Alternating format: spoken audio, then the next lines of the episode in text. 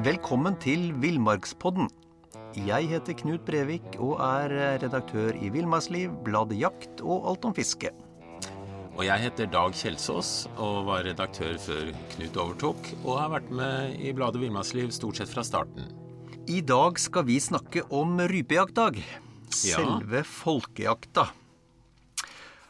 Og litt seinere i denne podkasten så vil vi også gå gjennom ståa for noen områder, litt sånn fra nord til sør. Og du er jo en av dem som eh, legger veien til fjells 10. septemberdag. Ja, det er store forventninger ute og går. Det, mange jakter bare ei uke, faktisk. Ja. Eh, men den uka, den gleder du deg til hele året. ja. Og når den uka er så viktig, hva slags forberedelser er det viktig å ha gjort unna før, eh, før 10. september?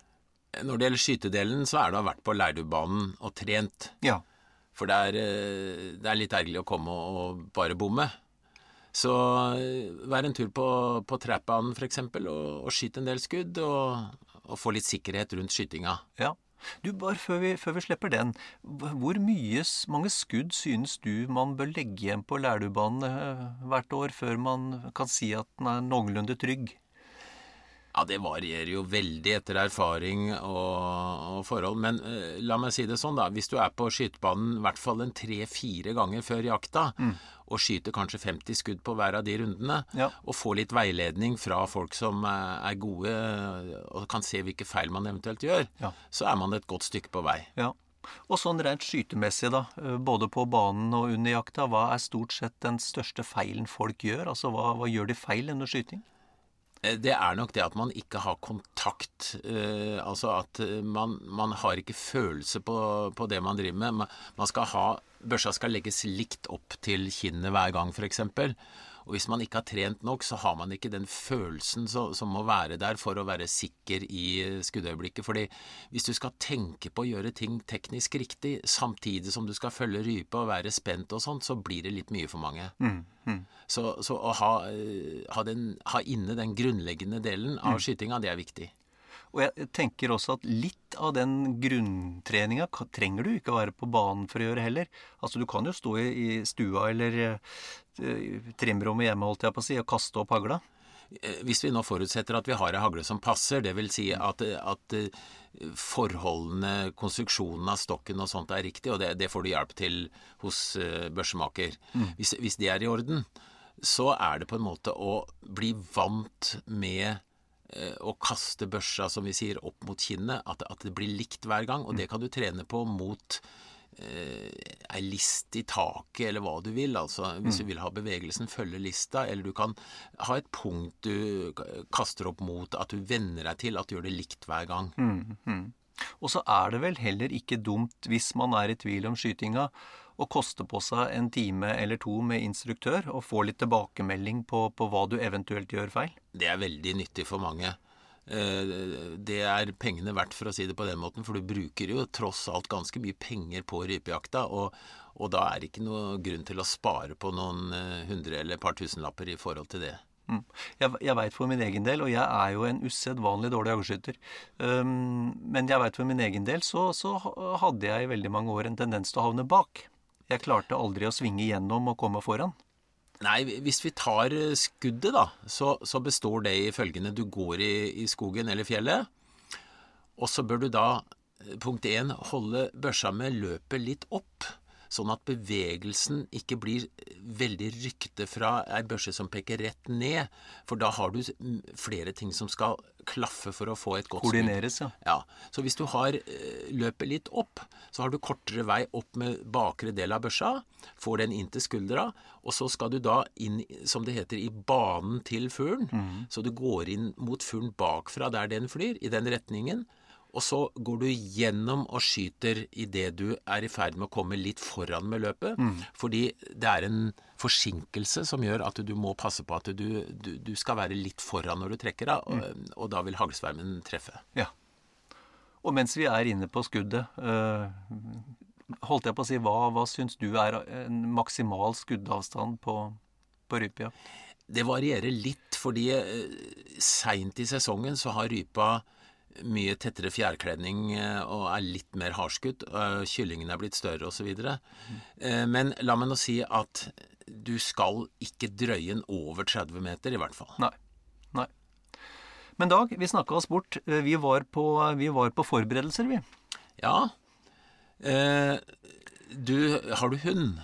Stiller det seg litt annerledes enn om du er med, med andre og, og, går uten hund, eller eventuelt ha, andre har hund, så du ikke trenger å tenke på det. Men iallfall å trene hunden så den er i god form, det er veldig viktig. Mm. For det, hundene er så ivrige ofte at de, det blir faktisk på kanten til dyreplagere hvis du har en utrent hund som du da har med på rypejakt.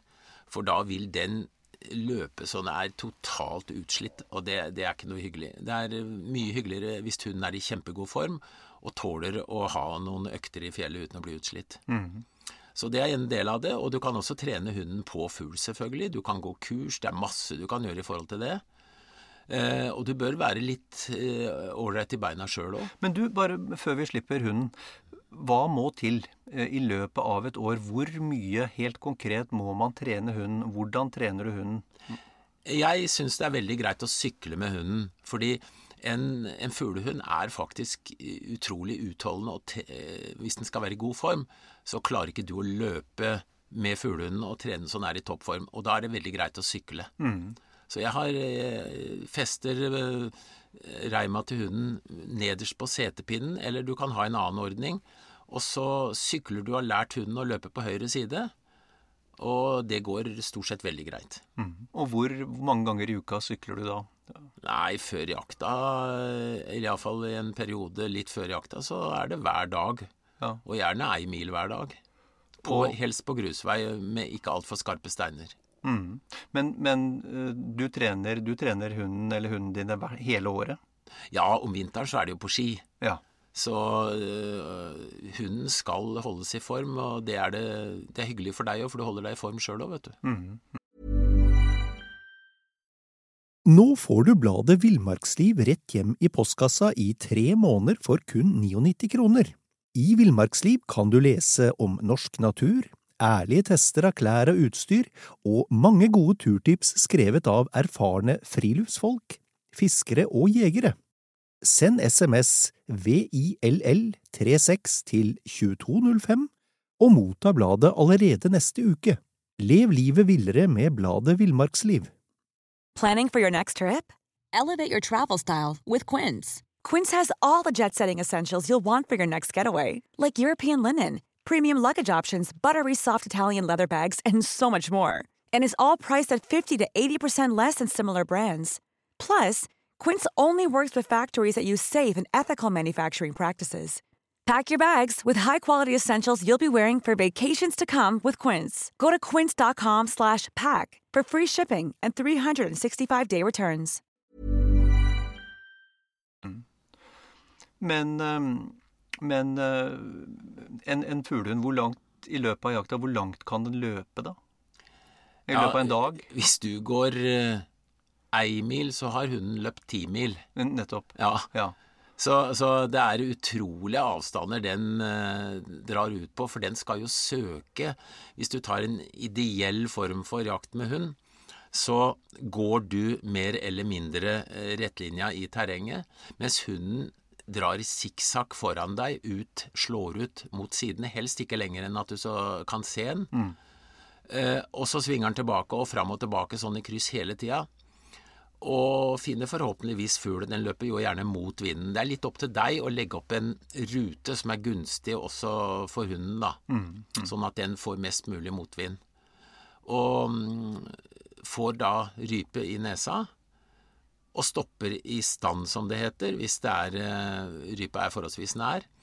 Eh, hvis det er litt sånn usikkert, men det er lukter litt rype, så vil hunden da søke litt fram og tilbake, og til slutt stoppe i, i, stand når den er kommet på passe avstand fram til rypene. Mm, mm. Og så skal da ideelt sett hunden bli stående der, mens du da har god tid til å gå opp mot hunden. Eh, du stiller deg ikke rett bak hunden og skyter over øra på den, men du går gjerne litt ut på sida. Og så vil da hunden kunne avansere, som det heter på fagspråket, ved å rykke fram mot rypene kanskje i flere omganger, og du følger på. Og til slutt så går da rypene opp. Og du eh, vil da forhåpentligvis skyte og treffe. Hunden forholder seg rolig eh, til du kommanderer at den skal apportere, som det heter. Dvs. Si hente rypa og bringe den til deg. Hvis det er flere ryper, skal den da gå to ganger. Og det du skisserte nå, Dag, det var, det var en helt optimal situasjon. Ja, alle, alle hundeeiere har jo hunder som gjør alt det her når du prater med dem, men når du er med på jakt, så ser du at eh, hunden finner ikke alltid fugl, den skremmer opp noe fugl, og når du skyter, så raser hunden fram, og for, det, for det er jo For det første vi snakka om, det var en ren fysisk grunntrening. Ja. Og, og det, er jo, det er jo greit nok å løpe eller svømme eller uh, sykle med hund. Men, men akkurat eh, jaktdressuren, hvor mye tid, hvordan gjør man det? Og det her veit jeg det er skrevet massevis av bøker om. Men, men sånn i grove trekk, hvordan gjør du det? Ja, det, det, det kommer litt an på når på året det er, men, men du kan jo trene Det fins jo de som har eh, systemer hvor de har f.eks. duer som er eh, som blir satt i bur, kan du si, da, og sluppet ut når hunden kommer eh, nærmer seg. Det er jo noe som brukes på unghunder ofte. Så du kan trene på det. Du kan trene på, på for så vidt på mange typer fugl, men det beste er jo om det er hønsefugl, for det ligger nær i lukt og opptreden og sånn, da. Eh, Og da kan du trene i treningsområder eh, for så vidt nesten hele året, da, hvis det er tillatt. Eh, og lære hunden da til å gjøre de tingene vi vil. Og det strider litt mot hundens eh, syke og, og opptreden at den skal sette seg når, når, fuglen går opp. Fordi eh, hunden er jo opprinnelig en jeger som skal prøve å, fange og ta bytte, ikke sant? Så istedenfor å stikke etter og prøve å, å ta fuglen, så skal han da forholde seg rolig. Så det er mange sånne grunnelementer du kan trene på, enten ett og ett for seg. Du har rapporten, som er en stor eh, sak, og som du kan trene med, med en tøybit først, eller en, du kan trene med noe hvor det er satt på rypevinger. Det er mange måter å gjøre det på. Hva hunden egentlig oppfatter osv., det er jeg ikke helt sikker på. Men det viktige er at eh, du kan kommandere hunden til å hente noe. Og hvis, også, eh, hvis alt skulle skjære seg, så, så finnes jo også mer eller mindre profesjonelle aktører som tar på seg hundetrening. Du kan levere hunden til noen som har hund f.eks. i 14 dager, og Nettopp. du får tilbake en eh, forhåpentligvis bra trent hund. Så det, det er mange muligheter her. Ja.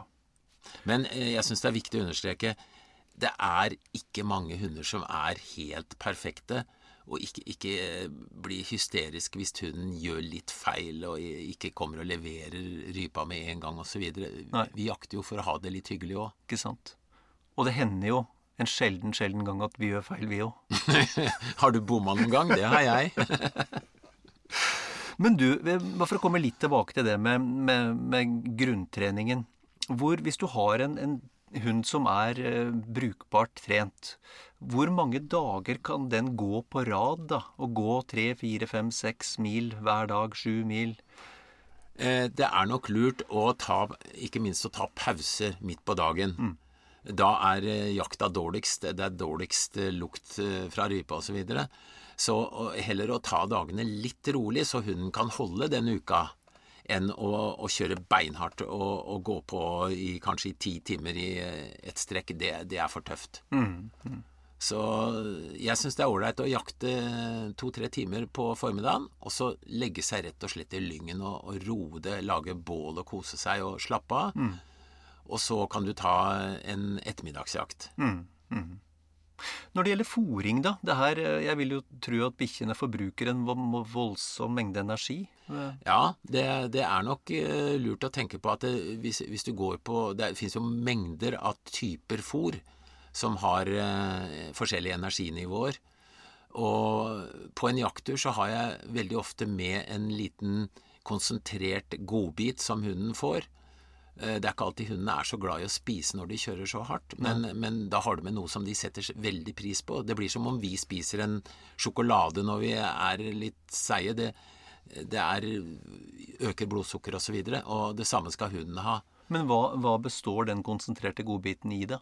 Ja, det er jo da ofte konsentrert, eh, hermetisert kjøtt, kan du si, da. Ok. i, i litt uh, saus eller gelé. Nettopp. Skjønner. Ok, og så var du inne på Du var inne på det her med hvordan man trener seg selv. Ja, det er ikke noe hyggelig å gå på jakt og kjenne det at du knapt klarer å se over børseløpet fordi du er så sliten. Nei.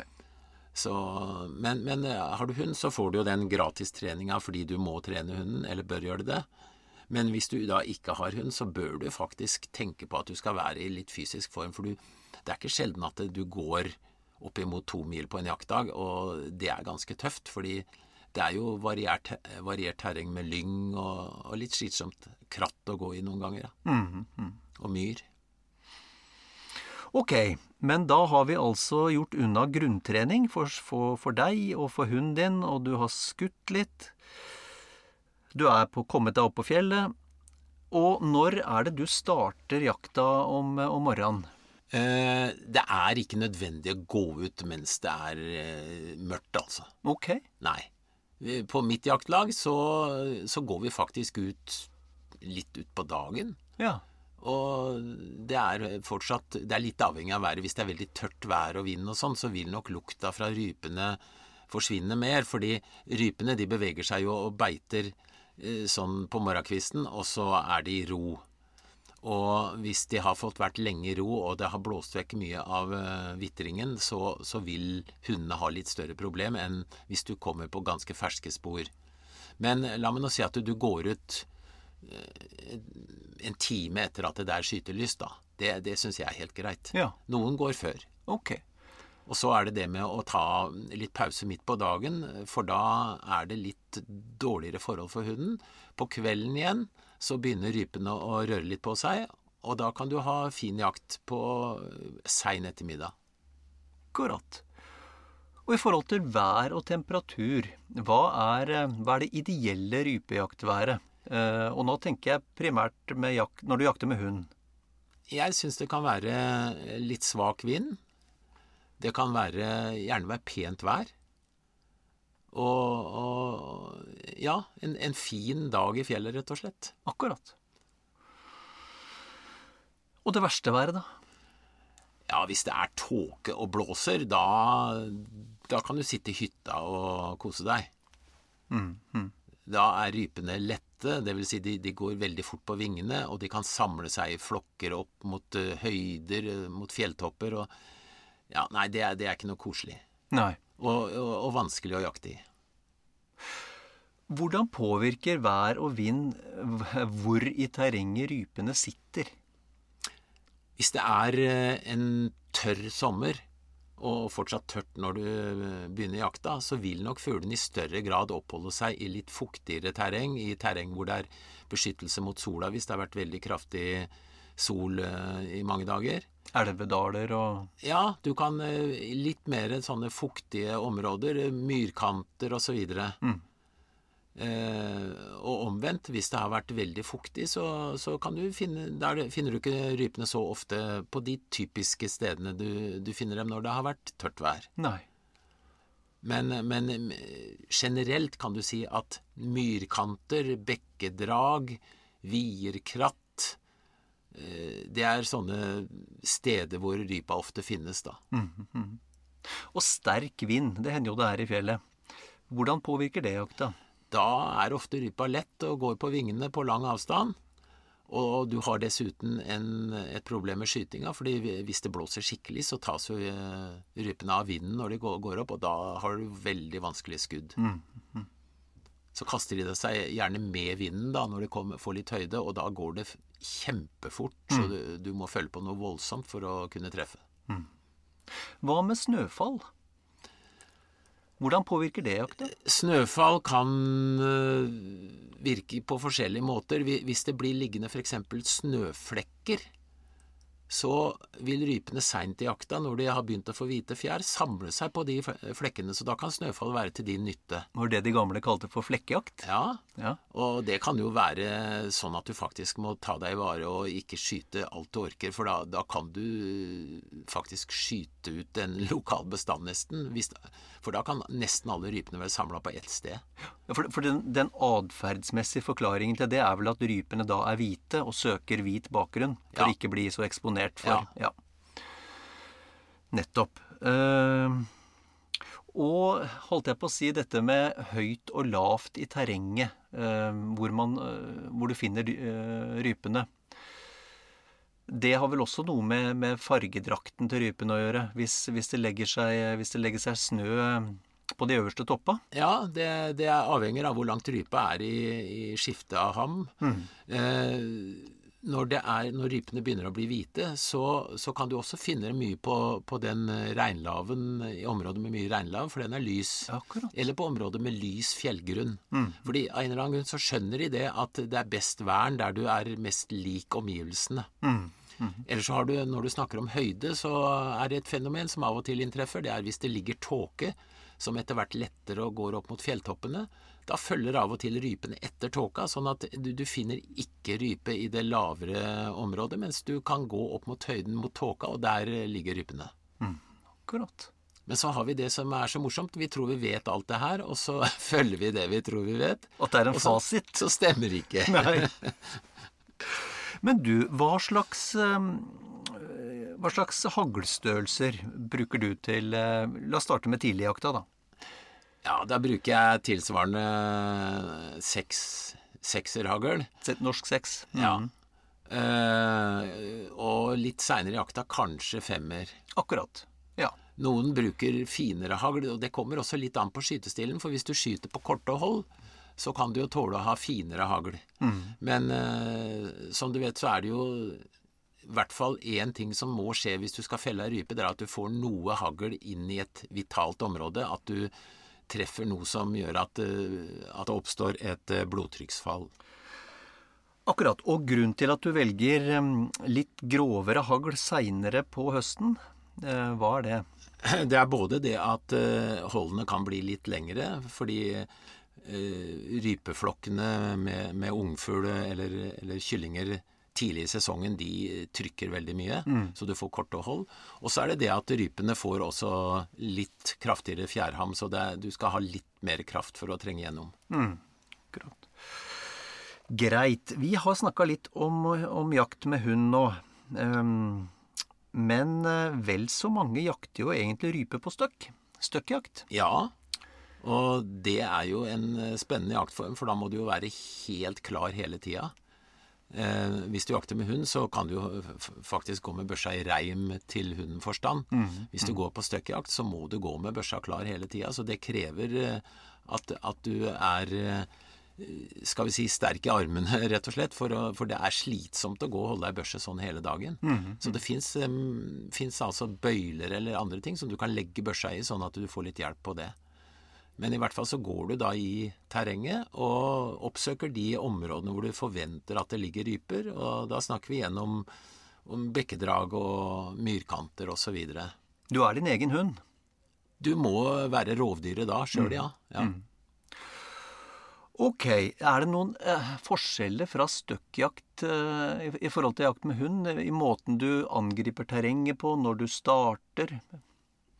Eh, på støkkjakta så, så vil jeg nok eh, kunne jakte hele dagen, blant annet. fordi da er ikke Du skal jo ikke kjenne lukta sjøl. Du, du går dit du tror det er ryper. Så du kan mer bestemme når du vil jakte på dagen, da. Nå får du bladet Villmarksliv rett hjem i postkassa i tre måneder for kun 99 kroner. I Villmarksliv kan du lese om norsk natur, ærlige tester av klær og utstyr, og mange gode turtips skrevet av erfarne friluftsfolk, fiskere og jegere. Send SMS VILL36 til 2205 og motta bladet allerede neste uke. Lev livet villere med bladet Villmarksliv. Many of us have those stubborn pounds that seem impossible to lose, no matter how good we eat or how hard we work out. My solution is. PlushCare is a leading telehealth provider with doctors who are there for you day and night to partner with you in your weight loss journey. They can prescribe FDA-approved weight loss medications like Wagovi and Zepbound for those who qualify. Plus, they accept most insurance plans. To get started, visit plushcare.com slash weight loss. That's plushcare.com slash weight loss. Eh, Men eh, nå skal vi også nevne det at det er to rypearter. Det er nemlig lirype, som vi nå har snakka om, og så er det fjellrype. Og den kan vi også gå på en kombinert snik- og støkkjakt etter, eh, som blir litt annerledes, fordi den oppholder seg da helt oppe i steinene og, og brattfjell og sånt. Så, men, men prinsippet blir jo det samme, at, du, at du, du går og støkker opp, eller at du også da på fjellrypa får se den på litt avstand, og sniker deg innpå. Og når det gjelder støkkjakt, så er det ikke til å komme forbi at der der holdt jeg på å si Når flere jakter sammen, så stilles det ganske store krav til sikkerhet. Eh, og da tenker jeg på ofte den linja folk beveger seg. Man går på linje for å dekke et mest størst mulig område. Og her er det en del ting vi skal tenke på i dag. Ja, eh, hvis vi jakter flere sammen, så er det iallfall når jeg jakter sammen med noen, så er det rød lue. Ja. Så vi ser hverandre godt. Og så er det at vi skal gå like fort i terrenget. Hvis vi går på ei linje, så skal alle gå like fort. Og hele tida være oppmerksom mot høyre og venstre hvis det går folk på begge sider. eh, Sånn at vi holder linja. Så er det det at vi skal ha innarbeida at en lovlig skytevinkel, det er sånn og sånn, alt etter hvor godt vi kjenner hverandre, hvor gode vi er til å skyte, hvor sikre vi er. Um, Men vi må aldri bevege oss med børsa i nærheten mot de andre. Aldri. Nei. Altså Det er jo hovedregel på all jakt. Du skal aldri ha børsa retta mot et menneske. Nei. Og det er jo, selv om vi ikke skal eh, male fanden på veggen her, så, så er det klart at på en 200-300 meters avstand så er ett eneste hagl kan være dødelig. Og det har dessverre skjedd eh, under jakt i Norge at ett eneste hagl har tatt, tatt livet av et menneske. Så, så hagla kan på litt lengre hold virke som et tilsynelatende harmløst våpen, men, eh, men det er eh, svært farlig. Ja, det er, det er bare å følge den hovedregelen. Aldri ha børsa mot et menneske. Men, men det er klart, det, det hender nok noen ganger at vi plutselig kanskje oppdager andre jegere som vi ikke jakter sammen med. Så eh, tenke litt grann på bakgrunn også, hvis vi er i områder hvor vi vet at det ferdes andre mennesker. Og selvfølgelig nær veier og sånn, så skyter vi jo ikke i den retningen. Uh, rypehagl kan være farlig på et par hundre meter. Bare det, vi, hvis vi treffer andre mennesker i fjellet, og det er jo ikke så uvanlig under jakta, i hvert fall ikke på, på eh, områder hvor det ferdes, ferdes mange jegere, hvor det er kortsalg f.eks. Hvordan oppfører man seg eh, når man møter andre jegere i fjellet med, med våpen? Jeg har bare hatt gode opplevelser, og det består i at vi, hvis det passer sånn, tar en prat. Og tar selvfølgelig da ut patronen, knekker børsa som det heter, eller tar ut patronen av børsa, og viser også at vi har gjort det sånn at den andre jegeren er helt sikker på at nå er det iallfall ingen fare for at det kan gå av noe skudd. Eh, og hvis vi passerer hverandre uten å prate, så holder vi da løpet i andre retningen, eller opp. Sånn at, det- at den andre føler seg trygg. For det, det har noe med å formidle trygghet og sikkerhet, og at vi er eh, bevisste jegere. Og det, eh, det må jeg si sånn for egen regning, og jeg er ikke noe sånn spesielt glad i, glad i konflikter eller, eller si fra om ting, men det har skjedd et par ganger hvor jeg har jakta sammen med folk eh, som jeg ikke kjenner så godt, og hvor jeg legger merke til at de har en tendens til å veive med våpenet. Og jeg ser inn i, i munningen eh, ved, ved flere anledninger. Og da har jeg faktisk sagt fra, selv om det blir litt dårlig stemning, så jeg har sagt fra om at kan du være så snill og ikke peke på meg med det våpenet. Ja, det er en eh, Vi skal si ifra, og hvis noen blir sure for det, så, så er det bare tåpelig. Ikke sant? Ok. eh, hvordan, eh, hvordan synes du innføringa av kvoter har fungert? Og bare for å raskt ta bakgrunn for det, så, så på, på ja, så langt tilbake som 1990-tallet, så var det jo helt Det var helt uhørt å snakke om kvoter. Man så på rypebestanden som nærmest en sånn utømmelig krukke. Og bare ta så mye du ville. Det har endra seg. Og så innførte man kvoter. Hvordan syns du det har fungert? Jeg tror det fungerer de fleste steder. Eh, Jeg tror jegerne har innsett at eh, den gamle troa om at det er ikke jegerne som regulerer rypebestanden i noen sammenhenger. Eh, folk har skjønt at det er ikke helt der. Mm. Det har faktisk en betydning at vi jakter hardt i et område for rypebestanden, så vi må finne oss i at vi ikke kan skyte alt vi ser, særlig når det er dårlige rypeår. Eh, da, da, må vi ta hensyn. Og noen steder så blir det jo faktisk full fredning, og det er nok på sin plass. Mm, mm. Og så er det vel også sånn at i de forholdsvis sjelden etter hvert, men i de sesongene hvor det er veldig bra, så har man jo rike muligheter til høst igjen. Ja, det, det, jakt er, i hvert fall på, på, småvilt, så er jakt sånn at det går i perioder med dårlige eh, bestander og med gode, og med gode bestander. Og da, da, må vi innrette jakta etter det. Mm. Og noen, noen, år er det faktisk sånn at vi kan skyte nesten det vi vil av rype, for det vil ikke påvirke bestanden fordi det er så stort grunnlag. Nei. Og så er det jo litt i de, i de og de mindre gode åra, så er det vel sånn at vi, vi må se på rypejakta som, eh, som, en sånn helhetsopplevelse. Du får jobbe sammen med hund hvis du har det, du får være sammen med kamerater og ha det hyggelig. Og hvis man får en, en fugl om dagen, så må det vel ses på som en bonus? Det er veldig hyggelig å kunne servere rype til en hyggelig middag til, med venner og, og, bekjente og familie. Mm. Men vi må øh, tenke sånn at vi jakter ikke for å få mye kjøtt i fryseren. Var, det, før var det nok sånn, men det er ikke sånn lenger.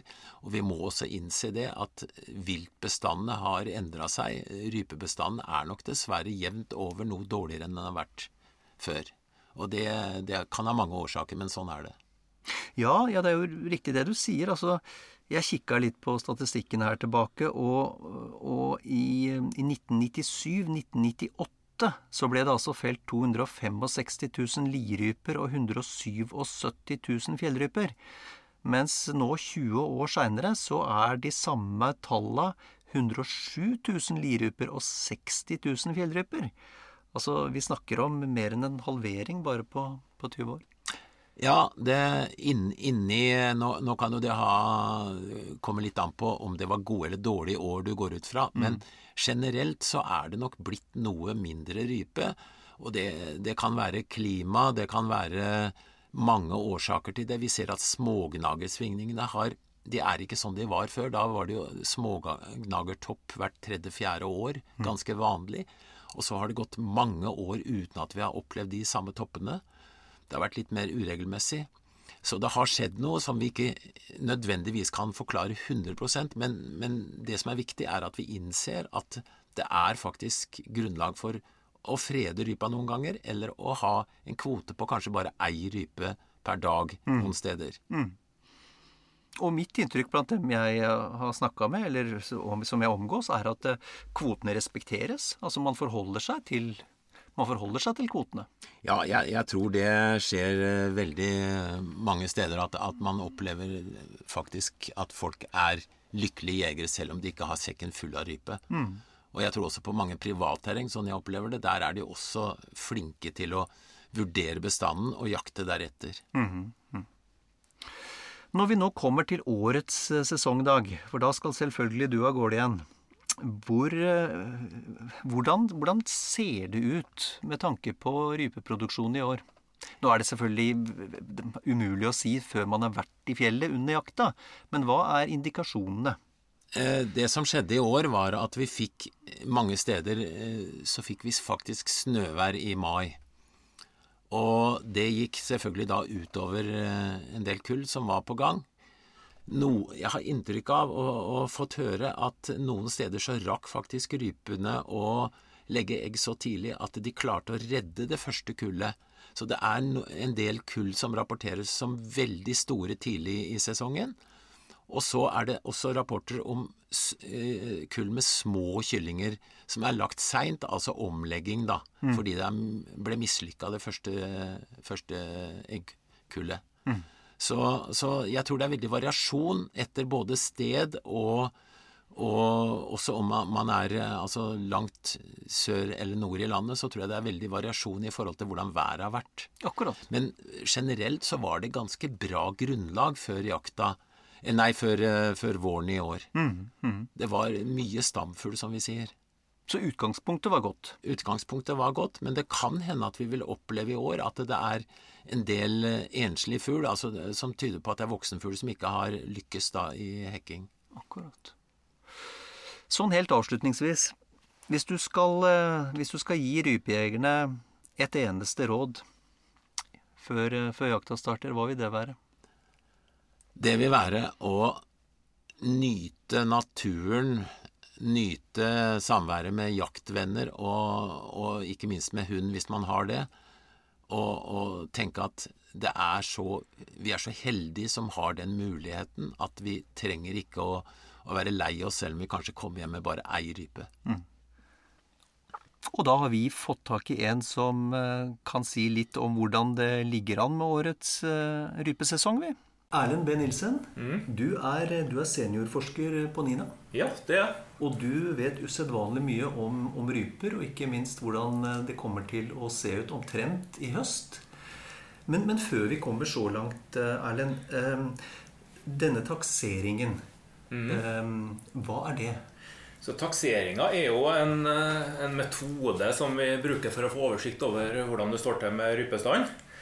Eh, Og det unike med takseringene i Norge er jo at det hele er en stor dugnadsinnsats. Massevis av frivillige som, eh, som legger ned en innsats for at vi skal få et bilde på hvordan det står til med rypestanden i, i store deler av landet. Ja, hvor mange er egentlig i, i sving? Så vi har jo ikke et nøyaktig tall på hvor mange, men eh, vi, det takseres jo i over 80 kommuner nå. Du vet. Og totalt sett i de siste årene så er det taksert eh, i størrelsesorden 8000 km som er registrert i Hønsefjordportalen. Oi. Så det, er- det er mye. Ja. Og et vanlig takseringslag det går eh, la oss si en, eh, mellom 4 og 7-8 km på en dag. Ok. Så da kan man jo, Og et lag består av to personer, så da kan man jo kalkulere at det er masse, masse dagsverk lagt ned her. Ja. Ja. Og, og et lag, er det, er, det, er, det, er det både holdt jeg på å si, folk og hunder, eller er det kun eh, Det er både folk og hunder. Så sånn i utgangspunktet så skal, et takseringslag bestående av to personer. En som er ansvarlig for at, eh, at man går og følger linja som man har lagt ut takseringslinja i terrenget med et start- og stoppunkt. Ja. Eh, Så er det en som har ansvar for at man følger nøyaktig følger den linja, og så er det en som har litt mer ansvar for å følge opp hunden. Og hunden går løs, vanlig stående fuglehund, går, springer løs og søker etter ryper sånn som en gjør ja. på jakt. da. Og fortrinnsvis tar stand når en finner dem også. Det er jo jobben til takseringslaget å gå ut der som, som stand er, eh, få rypene til å lette og telle dem ja. så godt som man klarer med kjønn og alder på dem. Kylling og stegg og høne. da. Ja. Og, og, og de, holdt jeg på å si, de rutene, er de de samme fra år til år? Ja, i veldig stor grad så, så er de det. Eh, På et så stort eh, program så blir det alltid noen plasser der de justerer litt på, på designet og litt nye linjer som, og, og sånne ting. Men i utgangspunktet så, så er, er, ønsker man at man skal gå de samme linjene fra, fra år til år. For at resultatene skal bli mest mulig sammenlignbare. Akkurat. akkurat.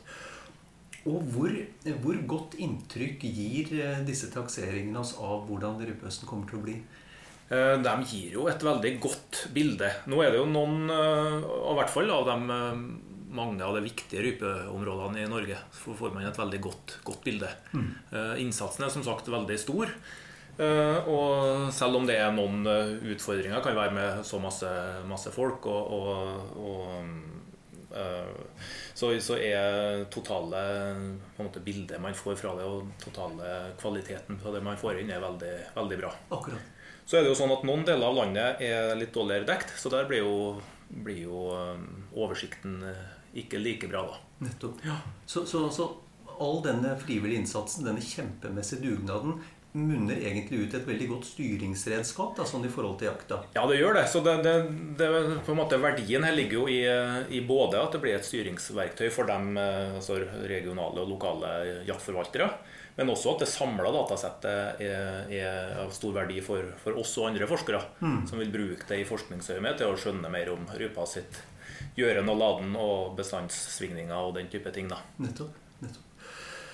Um, og jeg mener å ha lest et sted at bare i år så har dere sett nær 29 000 fugl uh, i løpet av disse takseringene? Ja, det stemmer nok. det, Og nå er jo på tidspunktet her så er jo det nesten alle data kommet inn for i år. Det kan være noen få områder som ligger litt på etterskudd, men nesten alt er kommet inn nå i år. Så det, da ender vi nok opp på rundt, rundt der da, i år.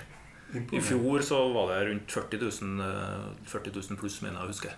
Ok, Og da er det naturlig at jeg spør deg er det et uttrykk for at det blir mindre rype i høst? Eh, ja. Det, I mange områder så gjør det nå det. Ok, ja. ok. Skulle vi tatt en gjennomgang av, av, resultatene så langt, Erlend? Vi kan gjøre det. Eh, sånn på, litt på regional- eller landsdelvis så kan vi ta en liten, eh, liten gjennomgang. Og hvis vi sammenligner med fjoråret, sant, så i hvert fall ivrige rypejegere og mange andre husker jo på at fra, si, fra Midt-Norge og sørover så var det jo et veldig fint rypeår i fjor med store, masse store kull og sånt. Mm. Um, og det opplever man i mye mindre grad i år. Okay. Um, Midt-Norge er nå kanskje det området som uh, ser ut til å ha uh, har um, hatt den beste produksjonen i år. Ja, og i og med at vi hadde også store, fine kull og fin vekst i rypestanden i 2018, så, så, er det relativt bra tetthet av mange plasser, og, og bra kull også i, i, en del plasser i Midt-Norge. Ja. Og Midt-Norge, da tenker vi på Ja, da tenker vi strekke, da tenker vi sånn sørover, i hvert fall store deler av Sør-Trøndelag, en god del av Nord-Trøndelag, og også delvis sørlige deler av Nordland ser ut til å være, kan bli ganske brukbar. Ja, vel. Lenger nord, Nordland, Troms, så ser det mer glissent ut. Og enkelte områder veldig lite produksjon, også ja. i, i, Troms. Ok. Ja.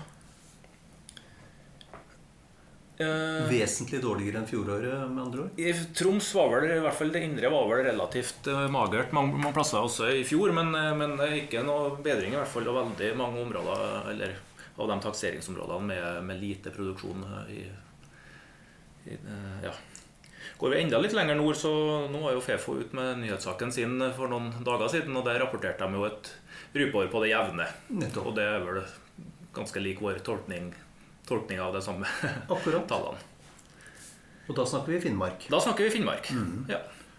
Så er det jo sånn at Når man snakker om rypestand på, på denne skalaen, så vil det jo alltid være lokale variasjoner. Så mm. jegere som går i ulike deler av Finnmark, oppfatter jo ikke nødvendigvis situasjonen akkurat likt, men sånn hvis man ser på det store bildet, så, ja. så er det sånn på det, ja, for det kan, jevne der. Ja. for det kan vel faktisk være sånn at selv i to dalføre så er det holdt jeg på å si, markante forskjeller? Ja, du kan, eh, du kan, ha veldig stor variasjon sånn eh, lokalt, ja. Mm, mm. Eh, det kan man.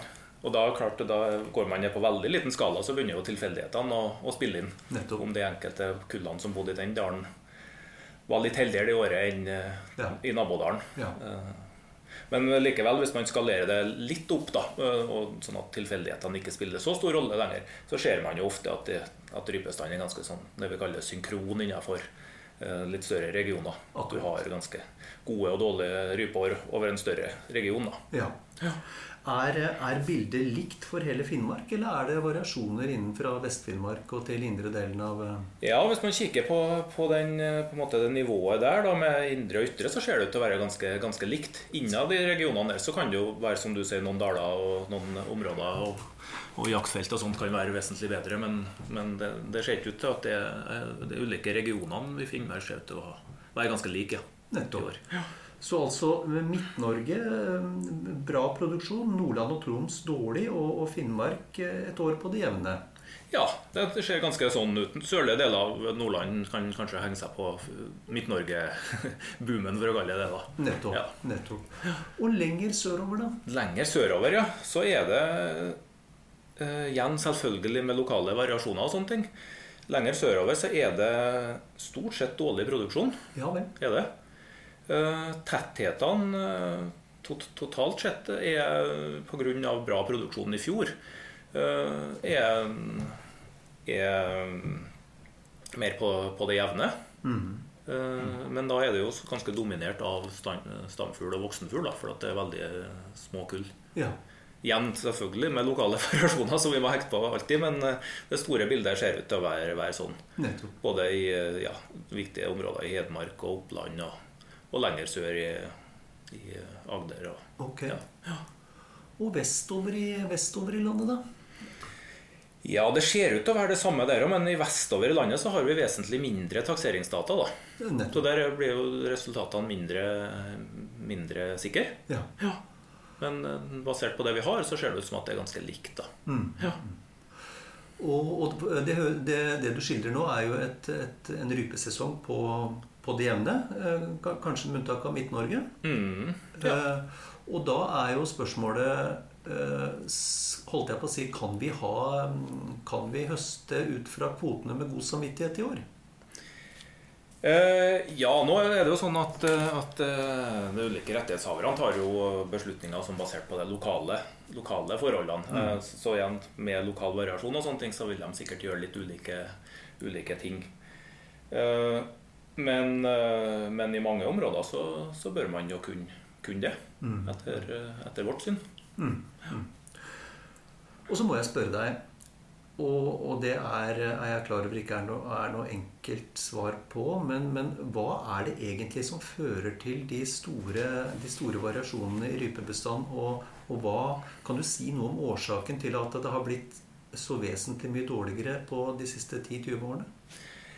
Eh, ja, så det er, hvis, hvis du tenker på de eh, store svingningene vi ofte kan oppleve fra år til år i rypestanden, så er de ofte relatert til, til reproduksjon eller kullstørrelsen av overlevelse til, i, i reirene, eggene, da, og kyllingene gjennom sommeren. Ja. Det er ofte det, måte, den mest sånn, kortsiktige og raskeste responsen vi, vi observerer.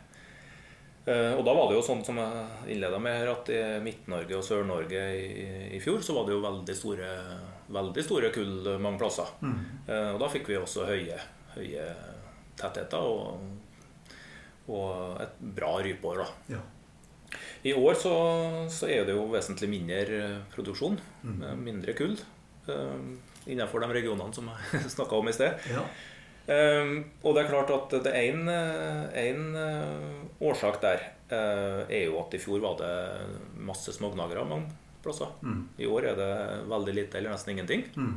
Og det er jo på en måte en sånn gammel, kjent, kjent mekanisme at, at predasjonen på de tidlige stadiene hos kylling, eller til rypene blir mindre i år med masse smågnagere. Og så øker typisk året etterpå. Ja, fordi da har, da har smårovviltet annet å spise enn Da har de andre, annet å spise og, og har ofte en mindre predasjon på, på egg og, og kyllinger. Nettopp. Mens i et år etter en sånn smågnagertopp så kan du ofte observere vesentlig høyere predasjon. Så det er nok en del av forklaringa nå. Ja. Samtidig så var det jo et, et veldig spesielt altså Det kom jo masse snø i mange områder i eh, tidlig juli. Det var vel det første uka i juli. Og da er jo kyllingene nettopp klekt. Så sjøl om de her fuglene er, er tilpassa et liv i, i fjellet og er robust, så er de ganske sårbare den, den uka der. Så uten at vi vet omfanget av det, og hvor stor effekt det faktisk har hatt i år, så, så tror vi jo at det er en medvirkende årsak til den lave produksjonen vi, vi ser nå. da. Akkurat. akkurat. Og hvis man ser dette over litt tid eh, Mm. Jeg sammenligna bare for, altså for moro skyld med 20 år tilbake. Ja. Eh, og, og vi snakker jo om en, en ganske markant reduksjon. Ja. Stort sett år for år, med enkelte unntak. Um, når det er sånne langsiktige trender, Ja. eh, hva tenker du om det? Uh, ja, og det er jo det som er det, det ene man kan si om det, det er jo at, at um, det er mekanismene som driver de langsiktige trendene, ikke nødvendigvis må være de samme mekanismene som driver de kortsiktige svingningene. Nei. Sånn at man kan, når man kikker på det lengre perspektivet, så, så har man flere faktorer, også dødelighet hos voksne fugler og, og den type ting som, som er med å styre eh, bildet i større grad enn enn bare de en måte, store svingningene i reproduksjon fra år til år. Ja. Men vi har jo sett, og det er jo på en måte sammenstilt, eh, sammenstilt eh, jaktstatistikk og fellinger per dag og den type ting for store deler av Sør-Norge eller for deler av Sør-Norge tilbake til rundt 1900 og så trukket helt fremover. Og det er jo enorme endringer i, i dynamikken gjennom den, den perioden. Ja, så, så, så, så, det du sier, er at det vi ser nå, er ikke noe nytt? Nei, altså det har alltid vært svingninger fra ett år til, til det store endringer fra det ett år til det neste. Mm. Men vi har jo, det er ganske bred, bred, enighet om at det har vært uh, en ganske betydelig bestandsnedgang og endringer i svingningene. Ja. Både hvis du sammenligner de siste 100-120 årene, eller noe sånt, men også på, på korte sikt de siste 20 årene, la oss si det. Mm. Mm. Og det er jo en nedgang som har vært mye diskutert i ulike, ulike fora. Ja. I media og i, ja. Og, og hva, tenker, hva, tenker, du om, om årsakssammenhenger i, i, forhold til de langsiktige endringene? Ja, altså Der har vi jo ikke ett entydig, entydig svar. Uh, og sannsynligvis er det et, uh, også er svaret sammensatt. Mm. At det er summen av mange, mange faktorer som, uh, som påvirker rypa sin dynamikk, som har slått negativt ut. da. Mm, mm. Det er jo altså Endringer i, i smårovvilt og predatorer uh, er jo en faktor. Um, jaktforvaltninga har endra seg gjennom, uh, gjennom tiden, og hvor mange jegere det er, hvis du kikker på lange, lange sikt. Rypene er heller ikke immune mot, mot utbygginga og påvirkninga av landskapet i fjellet. Nei. Det har ikke vært veldig mye forskning på det, men, men det er klart at de, det er mye rypearealer som påvirkes av ulike former for menneskelig aktivitet. Ja, for det, det jo, Vi har jo vært vant til å snakke om kun rein i det perspektivet. Ja. Ja. Men det du sier er at det kan vel så gjerne gjelde rupa? Ja, altså der har vi, som, der har vi det har fått veldig lite, lite, fokus og lite forskning. Men det er klart at det er mye bra rypehabitat som påvirkes av ulike former for infrastruktur og, og forstyrrelser. Og, og, på en måte subsidiering av, av eh, smårovvilt og den type ting fra hyttebygginga og sånt. Mm. Så det er, er en av sannsynligvis en av flere faktorer som spiller inn, inn her. Ja. Og så er det jo selvfølgelig de pågående klimaendringene som er en, en joker oppi det hele, som har ma mange ulike former, både indirekte og direkte eh, effekter. Ja. Og det kan jo være sånne ting som at eh, hvis snøen kommer veldig sent på høsten, eh, vesentlig etter at rypene har blitt hvite, så, så, kan de fort bli mer utsatt for predasjon. Før snøen faller? Ja. Før snøen faller. Mm. Så det kan være mange sånne typer endringer som har virka negativt over lange og korte tidsperioder. Ja. Ja. Hva med jegernes innsats oppi det hele? Eh, eller jegernes uttak? Og da tenker jeg eh, fram til 19, rundt 1990, par og 90, mm. så var det helt uhørt å snakke om kvoter. Ja. Helt uhørt. Ja. Mm. men, eh, men, det har jo endra seg mye. Det har endra seg mye. Det har det gjort. Og har det, Hva slags rolle har det spilt, tenker du? Uh, altså, vi, det er jo en av de flere en av flere faktorer som er med å påvirke dynamikken til rypene i større eller mindre grad. Mm. Og vi har jo gode studier på ikke minst de studiene som ble gjennomført på slutten av 90-tallet. Mm. Eh, eksperimenter. Det Vi har jo ikke så mye eksperimenter i viltforskninga, sånn rene eksperimenter, men, men, da ble det gjennomført eksperimenter med jakta sin betydning på lirrypebestandene. Og, og resultatene var jo ganske klare. Altså når du tar ut en større bestand, så så man responser både i, i form av uh, lavere overlevelse til, til, til rypebestand. Og mm. i de eh, eksperimentområdene også en lavere bestand året etterpå hvis du jakta. Mm. Betydelig, da. Ja. Uh, og den betydelige jakta som man brukte i det eksperimentet der, den, det er jo så reelle jaktuttak i enkelte områder. Mm. Uh, ja.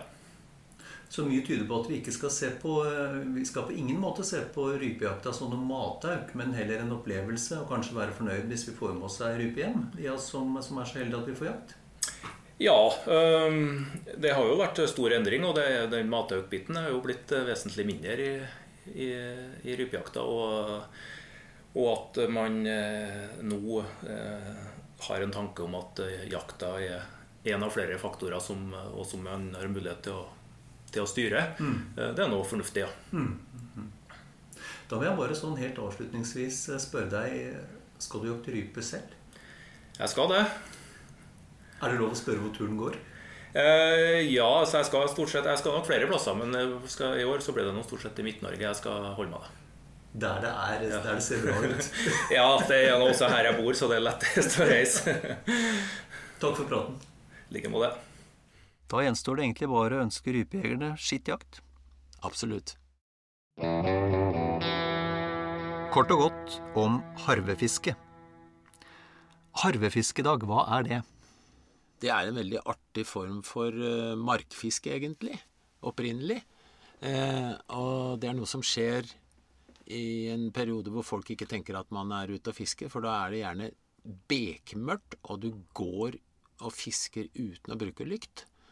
Så det er en fiskemetode som av og til ender med plumping. Ja. Men ellers er det utrolig spennende. Og, og det skjer som det er sagt da i mørket, vanligvis om uh, tidlig på høsten. Okay. Og det er etter ørret. Ja. Og hvordan, hvordan gjennomfører du et effektivt harvefiske? Eh, harvefiske bygger på at ørreten går inn mot breddene om natta for å jakte frosk, eh, insekter og hva det nå enn er. Småfisk, kanskje.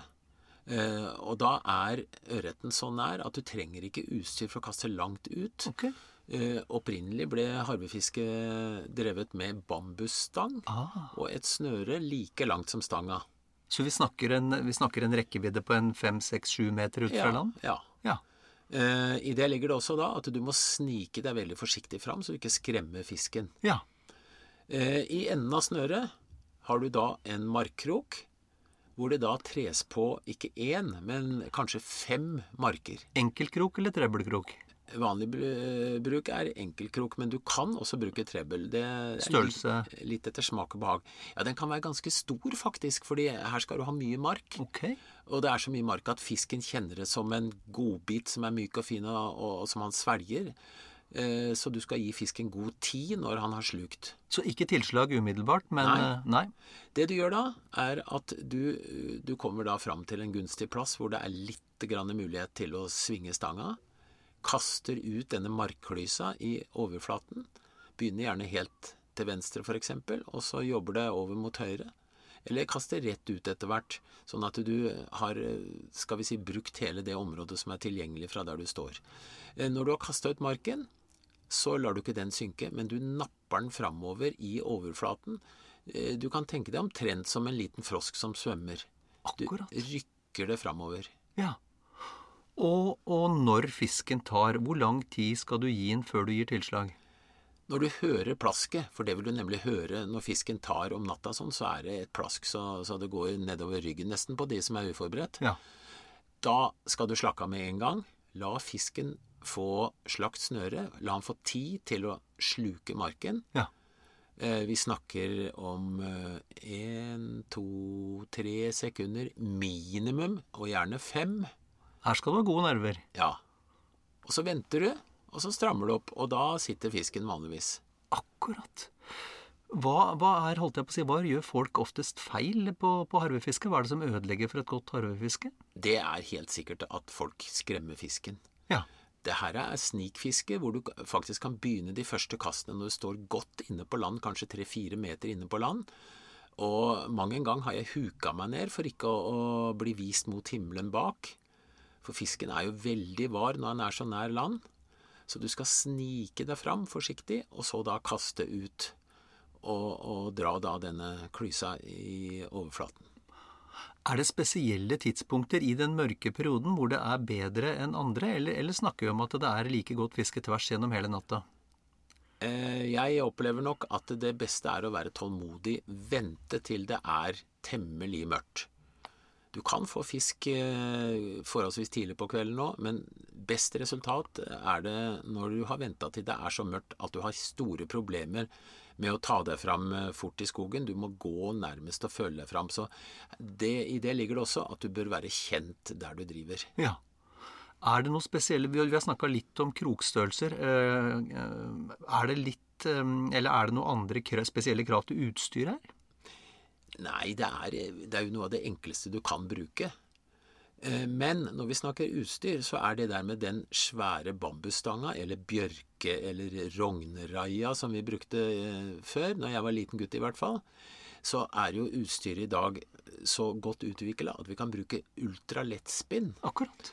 Veldig tynt uh, multisnøre som du kaster langt med. En fortom på, uh, senefortom på kanskje en par meter. Og så kaster du da med haspelsnelle, og så sveiver du rykkevis inn på samme måte, samme prinsipp som, eh, som vi gjorde før. Nå fikk jeg lyst til å fiske. Jeg har bare lyst til å si skittfiske etter folk. Ja, det er kjempespennende, og ikke glem å vente.